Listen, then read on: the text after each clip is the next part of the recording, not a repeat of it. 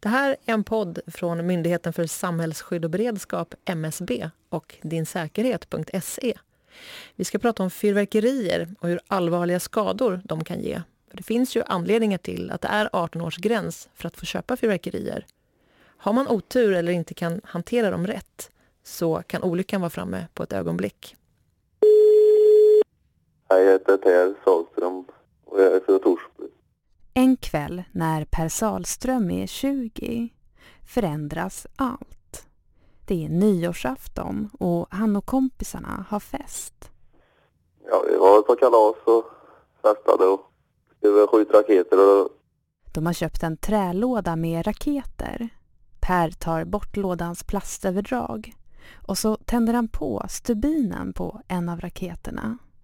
skulle jag väl ta på så small det direkt. Det visar sig att stubinen är kortare än han anat. Så raketen fyras av direkt. Rakt mot Pers ena öga. Pers kompisar ringer ambulans och Per förs till sjukhus. Han har ett hål stort som en femkrona intill ögonbrynet. Och ögat går inte att rädda. Jag förlorar synen på höger öga. Det har nu snart gått tre år sedan olyckan. Per försöker att inte tänka så mycket på det som hände. Det var också en annan person på festen som träffades. Ja, jag, det var nog en som fick en i pannan men det gick bra. Den behövde inte uppsöka sjukhus eller så. Nej, han fick bara lite krut på sig. Vad ångrar du mest med det här? Kanske inte rökt så mycket. Öl och sprit. Allt möjligt. Tänker du på att du hade kunnat dö? Ja, det kunde jag ha gjort. Om det var lite längre ner så hade det nog inte varit så. Det berättade Per. Ja, det kan verkligen gå riktigt illa när man eh, gör fel med fyrverkerier eller någonting händer. Mikael Ekeberg, välkommen hit. Tack så mycket. Du jobbar med tillstånd för explosiva varor på MSB. Jajamensan. Mm. Varför är det åldersgräns för att få köpa fyrverkerier och hantera? Eh, Det är lagen som ställer krav på att det ska finnas en åldersgräns och det gäller för alla typer av explosiva varor och som där fyrverkerier också räknas in. Då. Så det gäller alla som farliga ämnen, krut och vad det nu kan vara också? Jajamensan. Mm. Eh, Däremot så de flesta explosiva varor är tillståndspliktiga.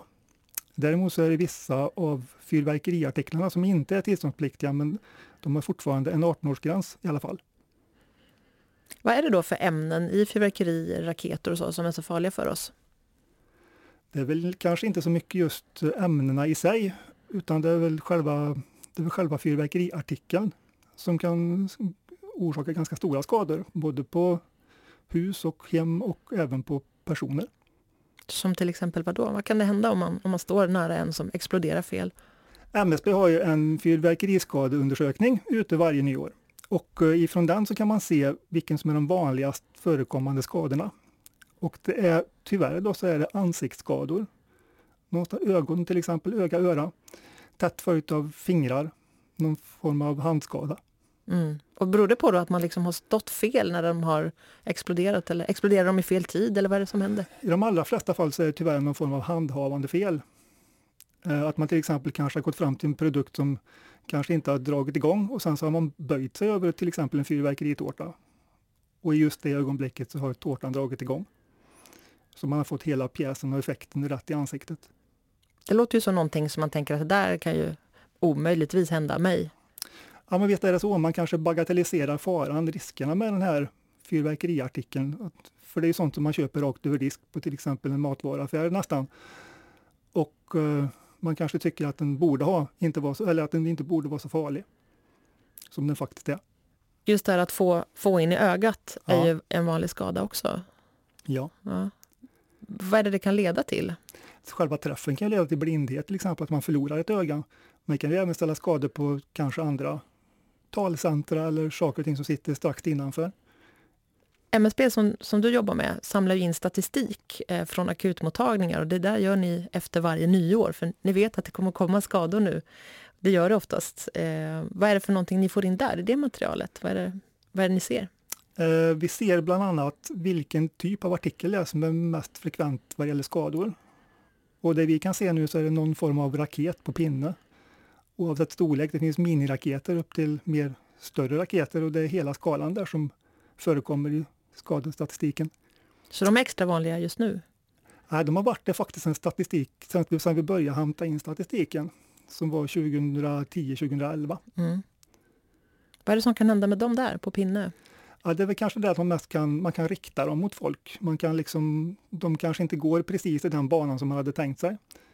Som till exempel en fyrverkeritårta är svårare att eh, flytta på eller rikta mot olika saker, utan den står ju bara rätt upp och ner på backen. Jämfört med en raket. Mm. Vad, vad, ser ni mer i den här statistiken? Vilka är det som skadas?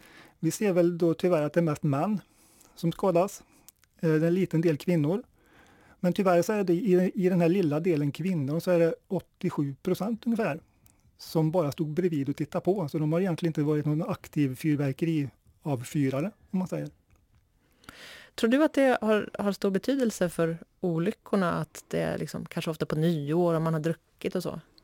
Ja, det är nog tveklöst. Absolut. Omdömet försämras ju oavsett vad man tar sig för när man har druckit alkohol. Men, eh, så det är ingen smart, smart drag att ha alkohol i blodet när man ska ut och skjuta nyårsraketer. Fyrverkeri då, det är ett festligt tillfälle. Nyår det kommer liksom bara en gång om året och sen kanske man har påsksmällare och första maj och så. Men det är liksom mest centrerat kring, kring nyår. Har det betydelse då att det här är någonting som man inte använder i sin vardag? Utan det är liksom som en kul grej man, man köper just för tillfället? Och därmed inte ja, vet hur man ska hantera jag tror, jag, jag, tror mycket att det här ska bli som ett avslut på en kul kväll till exempel. Uh, så man, man, man tänker helt enkelt inte i de banorna på vilka stora risker man utsätter sig för. Vad är det värsta skad, i skadeväg som, som du har sett när du har arbetat i, med statistiken? Alltså, det värsta som har hänt, det, det var det som, träffade, det som hände en pojke för par, tre år sedan. Som han träffade så illa i benet så att han var tvungen att amputera det.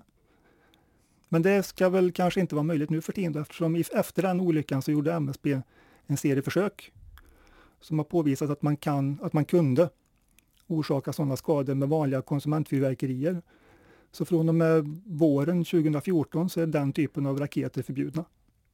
Så en sak som det, den skadan ledde till var i alla fall att det, det skärptes lite regler? Exakt. Mm. Vad kan det mer vara då? Du har varit inne på skador förut men det, det är så svårt att, att, relatera till att jag kan själv bli skadad och ja, man tar kanske ändå chansen men, men man kanske skadar någon annan. Mm. Absolut, den chansen finns ju men det är också sånt där som man kanske inte tänker på i, i stridens hetta om man säger så det är ju det man pysslar med för tillfället är kul och roligt och man tänker kanske inte i de banorna att man kanske kan skada sin syster eller någon bror eller något sånt där. Majbras är väl också ett sånt exempel där det är mycket folk samlat och man kanske skjuter lite och det står folk tätt och har på sig kläder, ja, material som är inte så bra. Stora folksamlingar och det, det har faktiskt varit några sådana här rapporter som vi får in på nyår. Liksom det, det handlar ju om folk som har fått in raketer innanför kläderna och sen så har det smält av. Och eh, även fast det inte blir någon direktträff så de här effekterna, de här fina ljusen, de har ju väldigt, väldigt hög temperatur. Flera tusen grader i vissa fall. Och eh, det blir ju väldigt svåra brännskador. Mm. Men är man under 18 och tycker att det här med fyrverkerier, raketskjutning är kanske det mest otroligt spännande som finns och ändå vill testa på, man blir sugen.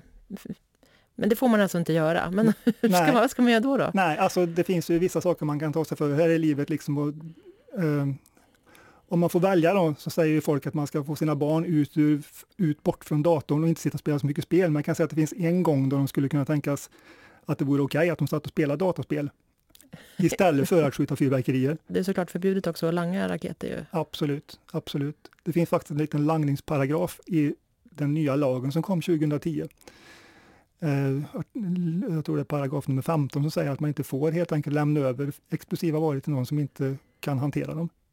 Vad är det som är så roligt då? Vad är det som lockar? Vad tror du, som jobbar med explosiva varor hela dagarna? Jag tror, jag tror, jag tror det är spänningen, smällar, ljuset, effekten. Liksom. Det... Skjuter du själv raketer? Nej, det gör jag inte. Jag brukar däremot tycka om att stå och titta på sådana här stora proffsfyrverkeriarrangemang till exempel. Ska vi som... låta proffsen ta hand om det, kanske blir säkrast? Ja, ur skadesynvinkel så är det absolut säkrast. Tack för att du kom hit, Mikael Ekeberg. Tack så mycket. Det här var en podd från Myndigheten för samhällsskydd och beredskap, MSB, och dinsäkerhet.se. Diskutera gärna vidare eller ställ frågor om fyrverkerier på Facebook. Sök på Din säkerhet.